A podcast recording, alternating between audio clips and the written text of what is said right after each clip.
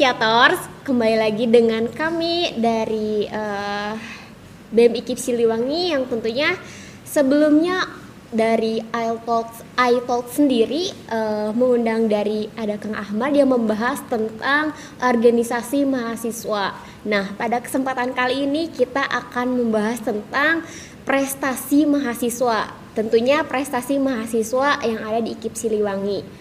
Nah, pada kesempatan kali ini pokok perbincangan kita yakni mengenai uh, proposal kreativitas mahasiswa atau uh, eh, PKM ini disebutnya sekarang itu program kreativitas mahasiswa. Nah, yang di dalamnya itu uh, dihimpun oleh mahasiswa dan juga dosen yang menjadi uh, pembimbing terhadap penyusunan uh, program kegiatan atau program kreativitas mahasiswa ini.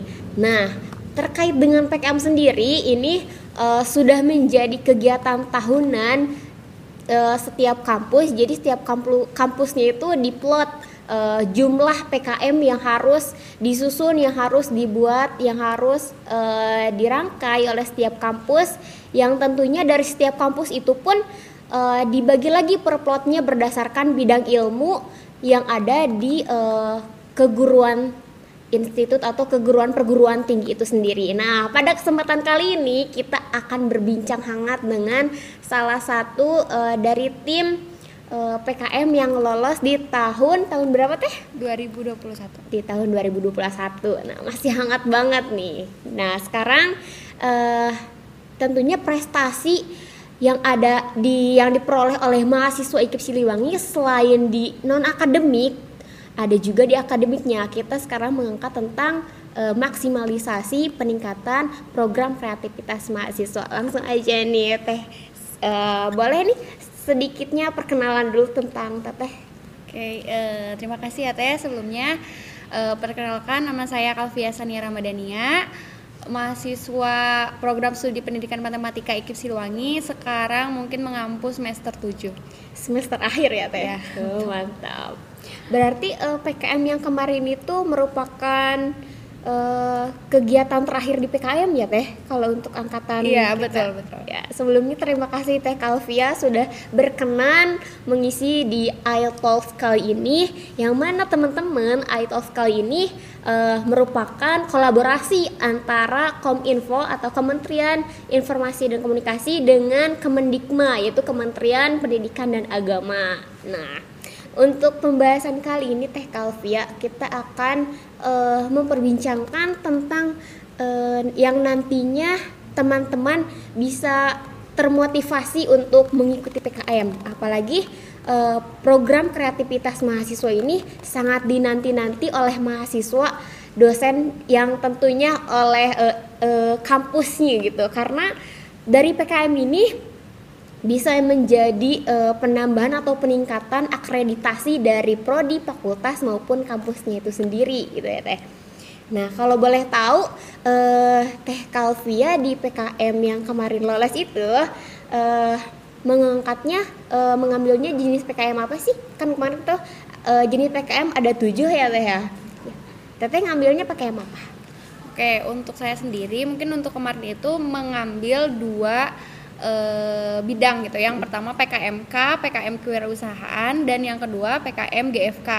Untuk yang lolosnya itu alhamdulillah yang PKM GFK gitu. Jadi GFK itu uh, gagasan futuristik konstruktif gitu. Jadi kita membuat gagasan untuk masa depan gitu ya, tapi yang dituangkan melalui video ataupun animasi gitu. Hmm.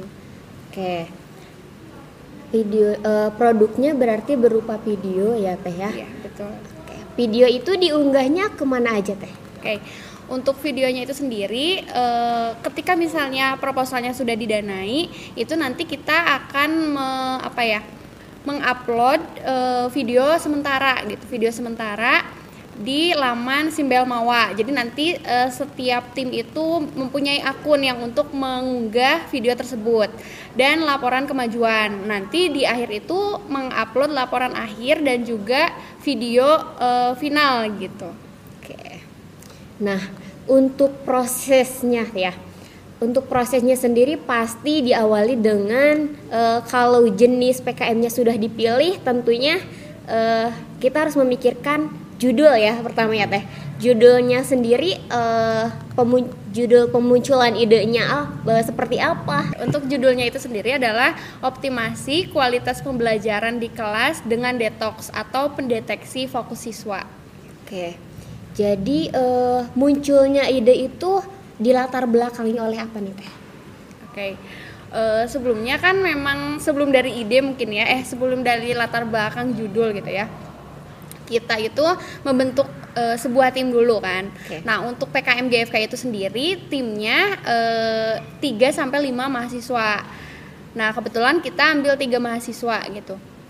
Eh, lalu kita akan eh, memilih dosen pembimbing gitu kan kita eh, mengabari dosen pembimbing apakah mau gitu untuk menjadi dosen pembimbing tim kita atau tidak kebetulan kemarin itu dosen pembimbingnya adalah Ibu Nelly eh, Fitriani yaitu eh, ketua program studi pendidikan matematika wow langsung turun ya teh ketua prodinya Betul, namun karena eh, ketua prodi kita lagi mungkin banyak juga gitu kan timnya yang eh, PKM itu dibantulah sama Bu Citra gitu kan, Ibu Citra.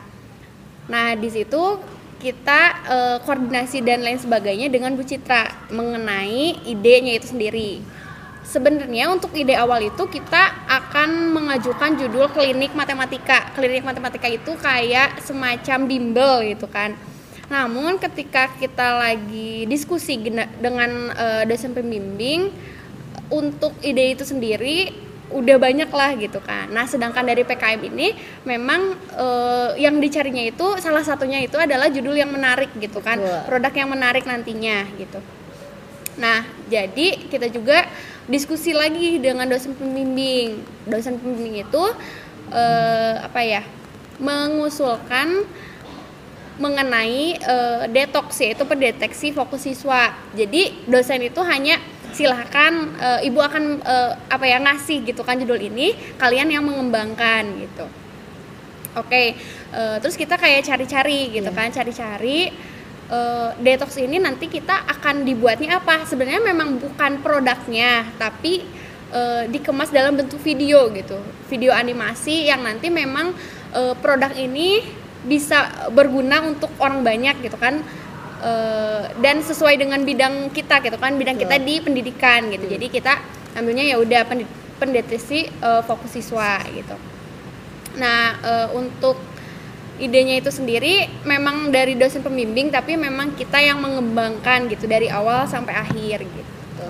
Jadi eh, memang ya di sana nam, eh, tertujunya dosen pembimbing ya untuk membimbing para mahasiswa yang sebelumnya sudah terbentuk kelompok yang eh, mau maju gitu ya untuk eh, sebagai kelompok yang memilih PKM apa lalu dibimbing oleh salah satu atau dua dosen tertentu diarahkan mengenai pertama judul mungkin ya Ya. teh Eh, judulnya pasti yang terbaru dan menarik gitu ya Iya. kan karena kalau misalkan dari eh, PKM misalkan yang sudah ada tetap dikembangkan menarik Iya, tapi eh, keterbaruannya mungkin kurang Iya. gitu ya nah untuk timnya sendiri ada siapa aja tadi teh tiga orangnya Untuk eh, timnya itu sendiri eh, ketuanya ada Citra Aditya Rahayu, mungkin eh, apa ya?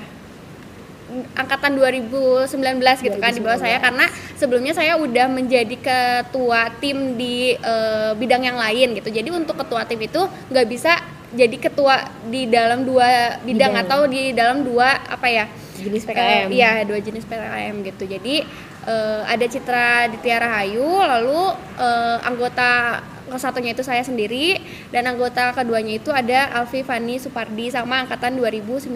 sama jadi eh, dua gabungan angkatan ya Iya, teh betul. Karena memang salah satu eh, persyaratannya mungkin ya itu harus ada minimal dua angkatan Angkatan. gitu di dalamnya karena untuk apa ya? Untuk regenerasi, Regenerasi, selanjutnya gitu ya. kan. Jadi ketika PKM selanjutnya udah ada pengalaman lah gitu kan dari tahun sebelumnya. Oke, jadi bisa buat jadi acuan nih buat teman-teman yang mungkin kita sekarang 2018 uh, dan di pertengahan tahun 2022 akan insya Allah Iya, lulus. betul. Nah, ada kesempatan buat teman-teman di angkatan 2019, 20 dan juga 21 mungkin ya, Teh, Iya, ya betul. untuk persiapannya karena kan biasanya PKM ini eh, kegiatannya ada di awal tahun Iya, gitu ya. Nanti persiapan nih teman-teman angkatan 2019, 2020 gitu ya yang intens ya. Bisa nih di PKM. Nah, lanjut lagi Teh. Nah, setelah kelompoknya sudah dibentuk lalu sudah diberikan arahan oleh eh, dosen pembimbingnya, lalu untuk eh, pembagian job desk dari eh, pencarian sumber pustakanya atau tinjauan pustaka atau maupun penelitian terhadap eh, karena kan tadi membawa fokus Iya. peserta didik Iya, itu betul. pembagian job desk di timnya gimana teh? Oke, untuk di awal itu kan kita me, apa ya membuat proposal terlebih dahulu gitu kan. Nah untuk proposal itu sendiri eh, ada banyak nih misalnya babnya gitu Iya. kan. Nah untuk pertama kita membagi-bagi dulu gitu kan, membagi-bagi dulu siapa yang kebagian di bab satu, misalnya yang di bab dua dan lain sebagainya gitu. Nah, untuk eh, tahapan-tahapannya tadi mungkin eh, kita harus eh, sabar juga harus selalu semangat ya Teh, karena memang tahapan-tahapan dalam penyusunan proposal ini bukan hanya eh, tenaga gitu ya, tetapi PKM ini memang terfokusnya lebih ke eh, nalar kita gitu ya, ke- lebih ke teorinya apalagi kan eh, gagasan futuristik gitu ya Iya, yang mana ini juga menjadi pertimbangan nanti di masa depan eh, goalsnya Iya, ke mana betul. gitu akan seperti apa. Nah eh, perkiraan kemarin itu untuk penyusunannya itu berapa bulan teh? Untuk proposal itu kurang lebih satu bulan mungkin ya. Satu bulan. lupa mungkin ya untuk tepatnya.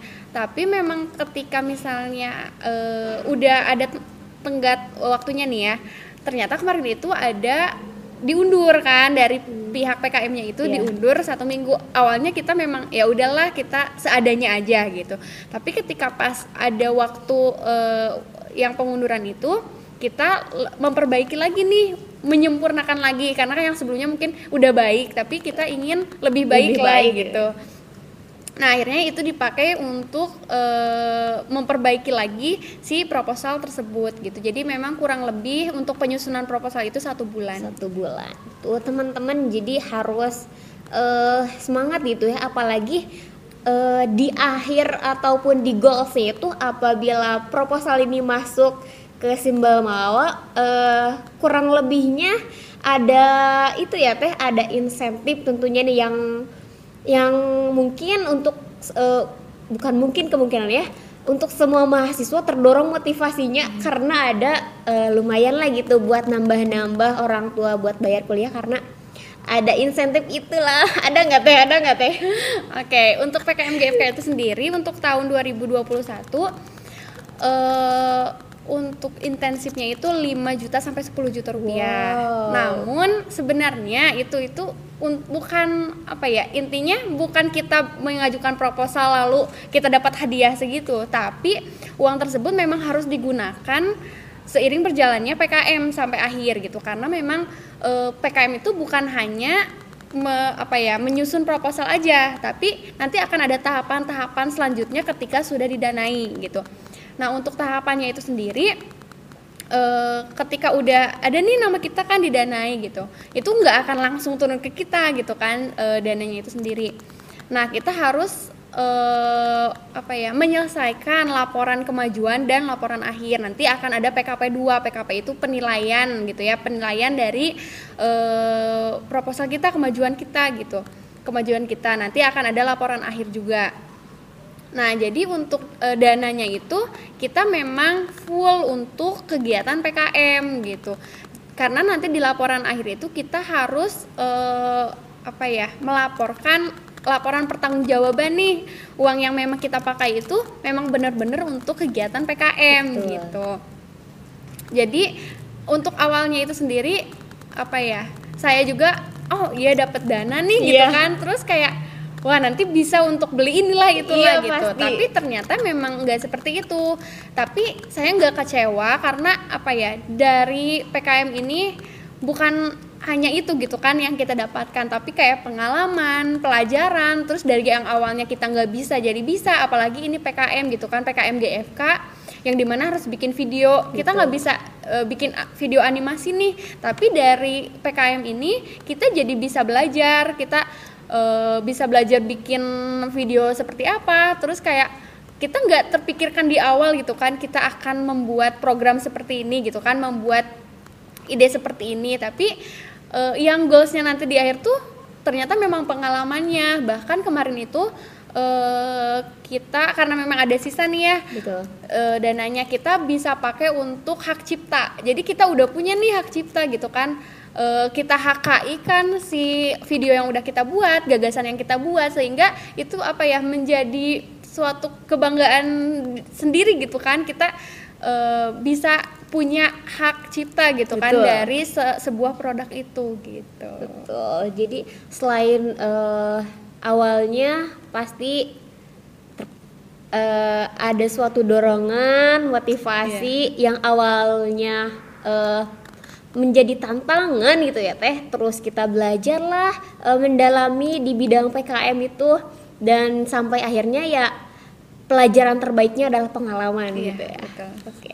Jadi mm, di GFK ini berupa produk. Nah, di proses yang di PKP 2-nya Ya. itu gimana Teh setelah gagasannya eh, diterima eh, oleh kampus gitu kan awalnya eh, untuk lolos dari PKM ini sebelumnya ada pemilihan per prodinya Iya, dulu terus lalu setelah dari prodi ada pemilihan per kampusnya gitu. PKM ini lolos gitu dalam eh, dari tingkat kampusnya atau dari tingkat institutnya. Karena yang mewa- mewakili institut itu eh, jumlah PKM-nya satu atau dua aja kan ya teh ya? Oke, untuk eh, apa ya mewakili kampus mungkin untuk PKM-nya proposalnya gitu ya.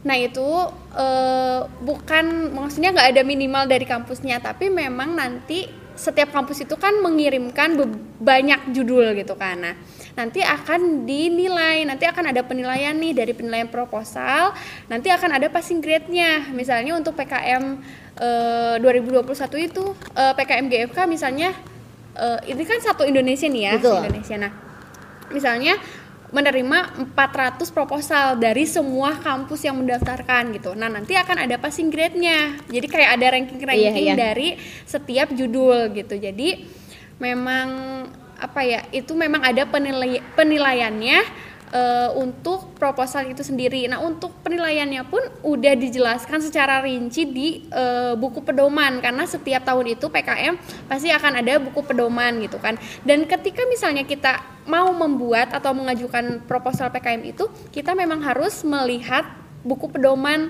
pada tahun tersebut gitu karena pastinya ada perbedaan di antara tahun sebelumnya dan tahun yang akan kita jalankan gitu kan di. PKM. Nah, kadang kebanyakan mahasiswa itu eh apa ya? nyontek atau melihat dari proposal tahun sebelumnya gitu kan. Iya. Jadi eh, karena ah nggak mau ribet, yang penting bikin proposal gitu kan.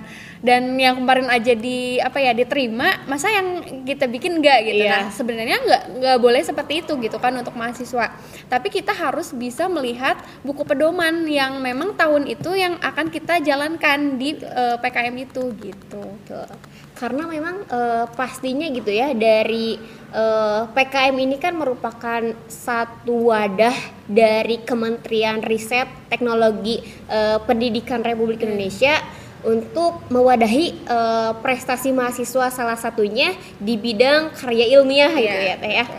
Nah, untuk GFK sendiri gitu eh, tentang yang dipilih lalu pemilihannya pun eh sangat sangat teliti gitu ya teh dari prodi, dari kampus dan dari simbol bawahnya tentunya eh dari judul-judul yang terpilih yang passing grade-nya tertinggi Iya. lalu sistematikanya pasti ya Iya, teh ya betul. meskipun misalkan eh judul ataupun produk yang dihasilkannya itu menarik apabila sistematikanya kurang sesuai karena eh, kebanyakan dari teman-teman mahasiswa itu melihatnya yang proposal tahun kemarin Iya, misalkan betul. dari eh, jalur prodi itu per prodinya lolos nih Iya. gitu dicoba lagi tahun sekarang akan tetapi kebanyakan memang kurang melihat dari sistematika Iya. karena disangkanya ya sama aja gitu nah terus untuk eh, lanjut lagi setelah lanjut dari eh, lolos dari simbol mawa lalu diberikan pendanaan insentif dan harus direalisasikan tentunya ya teh dari video yang menjadi produk dari PKM yang di eh, setorkan gitu ya yang diajukan ke pihak simbol mawa dan lolos lalu realisasi dari PKP 2 nya bagaimana teh? Eh, kan untuk eh, udah didanai nih ya. Iya. Nah, kita itu menyusun dulu laporan kemajuan. Nah, untuk laporan kemajuan itu eh, kita apa ya progres gitu progres dari pembuatan video karena kita memang luarannya itu laporan kemajuan laporan akhir dan video gitu. Jadi kita memang fokus di video. Nah untuk videonya itu sendiri karena masih pandemi gitu ya teh Betul. jadi eh, itu bisa dilakukan secara luring atau daring ataupun blended gitu ya. Jadi eh, bisa lari eh bisa luring dan daring Nah, untuk kemarin kita eh, pembuatannya itu blended. Jadi kita ada eh, apa ya? Ada luringnya dan ada daringnya. Untuk daringnya itu sendiri mungkin lebih ke kayak pembuatan animasi gitu kan animasinya. Terus ada juga karena kita ini ada pembelajaran gitu kan eh, kualitas pembelajaran gitu melalui menggunakan detox. Jadi kita juga ada uji coba kayak eh, di Zoom gitu kan eh, record di Zoom gitu kan. Terus eh, bisa juga me- apa ya ketika misalnya kita lagi ngajar terus keadaan siswa gitu kan sis- eh, keadaan siswa pada saat pembelajaran itu fokusnya seperti apa gitu kan. Karena kebanyakan tidak bisa dipungkiri lagi gitu ya. Kita lagi zoom ada yang off cam terus sambil tidur, Tidur. ternyata gitu kan. Nah makanya diadakan si eh, detox. ini gitu. Jadi untuk eh, melihat fokus siswa pada saat pembelajaran gitu. Nah lalu eh, mungkin untuk eh, pembuatan animasi karena memang kita belum pernah membuat animasi gitu kan. Jadi kita juga harus eh, belajar dulu nih cari Betul. tahu dulu dan kita harus bisa eh, diskusi dulu nih sama yang memang ahlinya gitu kan. Eh, terus lalu ada eh, penguploadan laporan kemajuan dan video sementara. Untuk video sementara memang tidak full tapi memang harus 80%. Nah, setelah itu diadakan PKP 2. PKP 2 itu penilaian yang nantinya kita ada presentasi nih sama juri, juri yang udah terpilih dari Simbil Mawanya. Nah, kita dilaksanakannya secara daring. Biasanya memang luring ya Luring. sebelum pandemi, tapi karena memang keadaannya masih eh, pandemi jadi kita dilaksanakannya melalui Zoom meeting gitu. Nah, di situ kita ada dikasih waktu 20 menit, 10 menit untuk memaparkan eh, kemajuan dari eh, PKM kita, lalu 10 menitnya ada tanya jawab gitu kan dari jurinya Juri. itu sendiri. Nah, untuk eh, PKP 2 itu sendiri nanti akan ada jadwalnya nih, misalnya jadwalnya di, diberikan dari Simbil Mawa. Lalu nanti kita kebagian jam berapa nih hari apa? Nah nanti yang masuknya itu ada kita selaku tim gitu kan kita Betul. bertiga lalu ada dosen pembimbing. Dan ada host dari Simbil Mawa dan juga ada dua juri. Nah di situ untuk pemaparan gitu kan pemaparan hanya dari tim. Tapi dosen pembimbing itu hanya e, mengawasi aja gitu. Dan dosen pembimbing nggak bisa ngebantuin gitu kan Betul. ketika misalnya kita lagi presentasi. Lalu nanti setelah 10 menit presentasi lalu e, diberikan pertanyaan dari jurinya itu sendiri dan itu pun masuk ke dalam penilaian. Jadi kita udah didanai itu nanti kita tetap ada penilaian untuk nantinya masuk ke PIMNAS Pekan Ilmiah Nasional gitu kan. Eh, jadi ada penilaian dari eh, proposal sampai laporan akhir gitu. Nanti juga akan ada passing grade lagi nih. eh, berarti yang peringkat tertinggi berarti mereka yang masuk ke PIMNAS dan kemarin kita memang gak lolos gitu kan di PIMNASnya. Nah, ketika udah selesai PKP 2, kita menyusun lagi nih untuk laporan akhir dan video akhir gitu. Video final. Terus ketika misalnya udah eh, akhir kita upload lagi laporan akhir dan video uh, finalnya di YouTube lalu link YouTube-nya diserahkan di uh, Simbel Mawa nah setelah itu kita menunggu nih menunggu apakah kita lolos PIMNAS atau tidak gitu nanti akan ada pemberitahuan lagi nama-nama uh, ketua tim nama-nama judul judulnya Judul. gitu kan judulnya yang lolos ke PIMNAS gitu okay. dan yang kemarin uh, sudah alhamdulillah ya teh sudah mewakili kampus IKIP Siliwangi untuk lolos di tingkat institutnya yeah. gitu ya untuk masuk ke yang uh, jajaran yang ada di eh, judul-judul uh, PKM yang ada di Simbel Mawa. Iya, yeah, betul. Nah, kan tadi untuk pembuatan uh, produknya yakni video Nah, barangkali yang nantinya menjadi uh, sumber juga nih buat teman-teman buat jadi referensi kira-kira uh, dari te dari tim Teh Kalvia sendiri uh, eh, PKM kemarin itu menggunakan animasi video apa?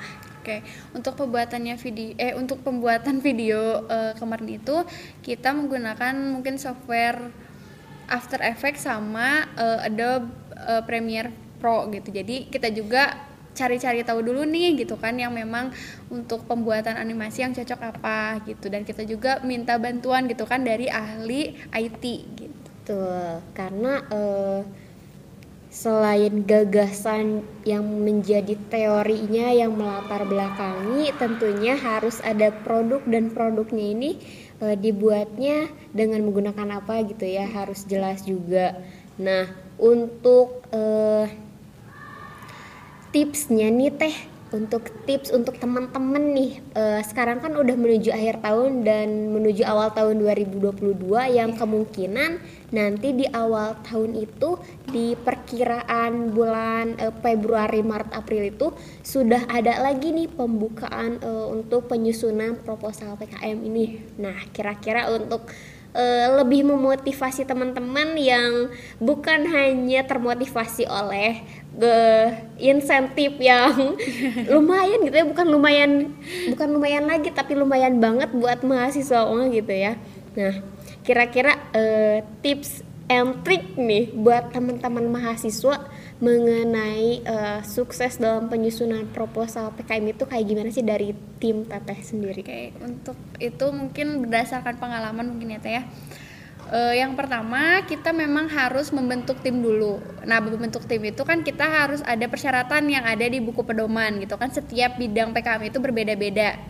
Nah, yang pertama kita harus membentuk tim dulu. Tim yang mungkin apa ya bisa bekerja sama dengan baik gitu ya teh. Kita jangan sampai e, dirugiin gitu kan sama temen tim kita. Jadi kita memang harus mencari tim yang memang mau bekerja sama dari awal sampai akhir dan harus tahu juga nih maksudnya positif negatifnya seperti apa gitu kan untuk PKM ini.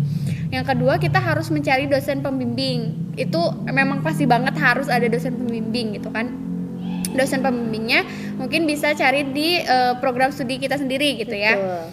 Uh, terus yang ketiga mungkin kita harus uh, apa ya melihat buku pedoman. Kita harus tahu sistematika penulisannya di buku pedoman terbaru gitu kan di buku pedoman di tahun yang akan kita ajukan proposalnya. Karena sistematika penulisan itu adalah hal yang paling penting gitu dalam penyusunan proposal.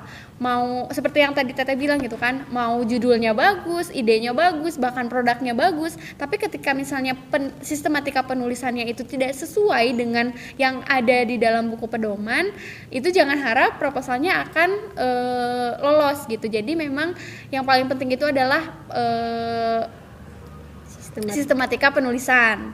Terus e, dan juga yang keempat mungkin ide idenya memang kita harus tahu nih e, misalnya bidang PKM apa yang akan kita ajukan.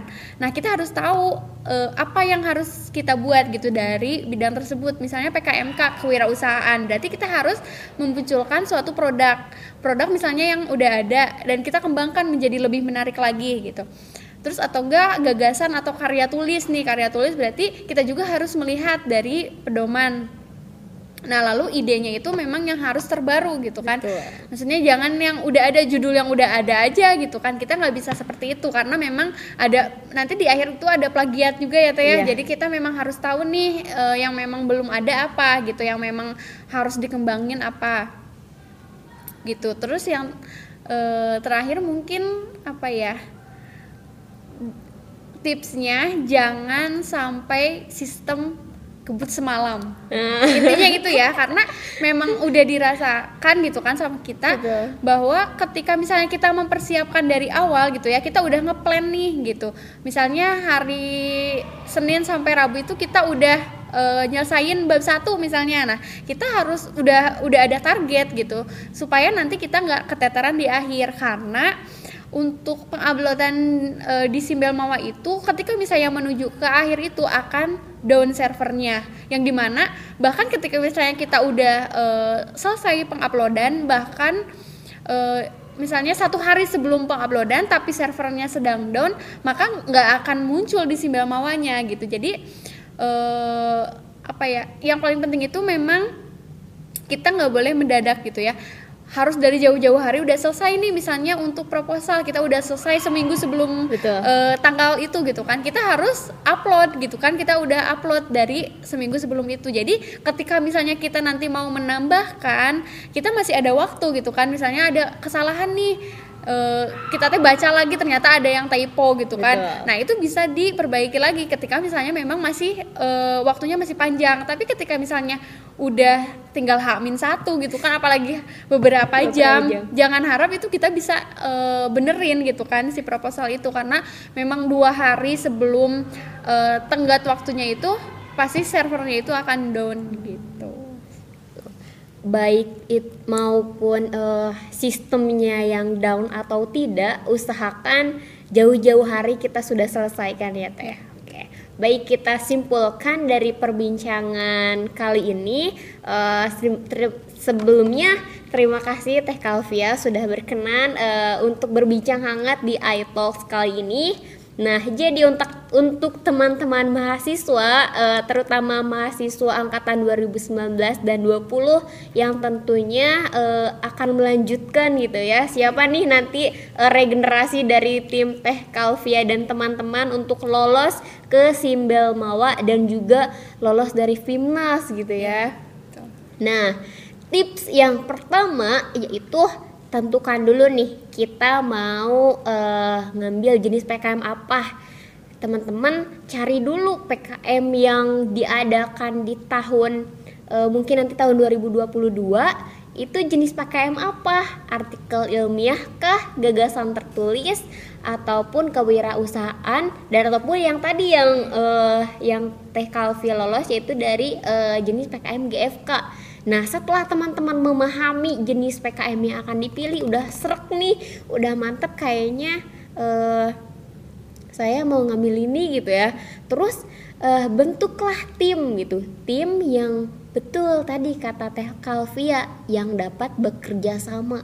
Karena kalau kita melihat potensi dari teman-teman misalkan eh, meskipun potensinya bagus gitu ya prestasinya meledak gitu ya di mahasiswa akan tetapi eh, kerjasamanya kurang itu akan merugi- akan merugikan kelompok kita itu sendiri gitu. Kalau kata orang Sundanya mah jangan sampai nanti pas kita mengerjakan itu dirau sama sikut teh. Jadi capek sendiri Iya, gitu. betul. Jangan sampai kayak gitu. Terus yang selanjutnya setelah penentuan kelompok gitu, kita eh, mencari atau biasanya ditentukan sama prodinya ya teh? Untuk Eh, dosen pembimbingnya. itu kita bisa mengajukan dulu nih. Misalnya kita pengen sama eh, dosen A misalnya. Nah kita harus diskusiin dulu gitu kan apa yang akan kita buat. Nah ketika misalnya memang udah serak berarti diambil. Tapi kalau misalnya tidak dosen A paling kayak eh, coba dulu ke dosen B gitu. Nah kalau misalnya memang masih lempar-lempar pasti akan ditentukan sama prodi gitu. Nah, gitu teman-teman. Jadi teman-teman selain memilah tim kelompok, teman-teman juga bisa mengajukan nih. Kira-kira eh, mungkin dari keserekan kita sama dosen, ibu bapak dosen yang mana nih yang kiranya kita bisa bekerja sama dalam menyelesaikan penyusunan proposal PKM. Lalu setelah itu konsultasi ide dan produk eh, yang akan dikembangkan, lalu penyusunannya, lalu eh, menyiapkan produknya. Nah, yang tentunya eh, keberhasilan itu dapat dicapai dengan planning-planning yang sudah tersistematis gitu ya, teh sudah terstruktur. karena uh, dengan kita tidak menunda-nunda waktu apalagi dengan kebiasaan yang kebut semalam ya meskipun uh, mahasiswa itu bukan hanya mahasiswa sih saya juga merasakan gitu ya meskipun dengan sistem kebut semalam kayak uh, berpikir kita tuh otak berpikir kita tuh kayak kita tuh IQ-nya lebih tinggi gitu dari dari uh, Albert Einstein gitu ya. IQ-nya nambah gitu. Nah meskipun kayak gitu jangan dibiasakan gitu ya. Karena uh, memang untuk hasil yang maksimal tidak bisa kita kayak semalam mimpi uh, pas bangun langsung terwujud. Nggak bisa gitu. Tetapi ya melalui proses-proses yang tentunya uh, proses-prosesnya ini harus dilalui dan selesai gitu ya. Kalau belum selesai ya belum dikatakan proposal uh, program kreatif kreatif mahasiswa gitu ya teh. Nah jadi untuk teman-teman semuanya uh, jangan takut gitu proposalnya uh, jangan ragu terhadap idenya gitu jangan ragu juga sama timnya nih yeah. kalau udah ada tim uh, yang bisa kerjasama eh pas di pertengahan kita ada satu hal yang ngebuat kita kurang percaya sama tim kita. Uh, jangan ya teh harus percaya sama timnya dan juga sama uh, dosen pembimbingnya gitu. Nah mungkin untuk terakhir uh, untuk di terakhir kita uh, ada selalu ada uh, jargon teh dari iTalks itu jargonnya itu uh, ngobrol bareng kita gitu. Jadi kalau misalkan kita bilang uh, I talks lalu kita bareng-bareng ngobrol bareng kita gitu ya Teh ya. Okay. Jadi uh, sekali lagi terima kasih Teh Alvia dan juga tim uh, dan kami juga mengucapkan selamat kembali nih untuk tim uh, sebenarnya ada dua tim ya Teh yang masuk itu yang lolos di Simbel Mawa dari prodi matematika dan juga dari tim PG PAUD. Oh, untuk eh, PG PAUD itu sendiri bukan PKM tapi PKMI. PKMI. Jadi ya. memang untuk bidangnya juga berbeda. Berbeda. Gitu. Ya, yang alhamdulillah salah satu uh, eh, PKM yang lolosnya kita bisa menghadirkan Teh Kalvia gitu. Nah, untuk tahun tahun-tahun sebelumnya se untuk tahun-tahun selanjutnya kita tunggu nih. Kang Teteh dari 2019 2020 dan selanjutnya untuk melanjutkan regenerasi mahasiswa yang berprestasi tentunya ya Teh. Karena untuk menjadi mahasiswa kalau sekedar hanya mahasiswa kurang eh uh, gitu kurang dapet ya kalau belum ada suatu perolehan atau uh, pencapaian dari kata mahasiswa itu sendiri. Karena selain dapat mengabdi ke masyarakat apa nih pencapaian yang kita telah capai juga ya teh? Oke boleh ya teh? Jargonnya kita oke. Uh, untuk perbincangan kali ini kita usaikan sampai di sini. Uh, sampai berjumpa di uh, perbincangan selanjutnya. Selalu uh, stay tune di iTalks ngobrol bareng kita. Sekali lagi kita ya semangat lagi ya Jangan lupa dan tetap stay di iTalks Ngobrol bareng kita.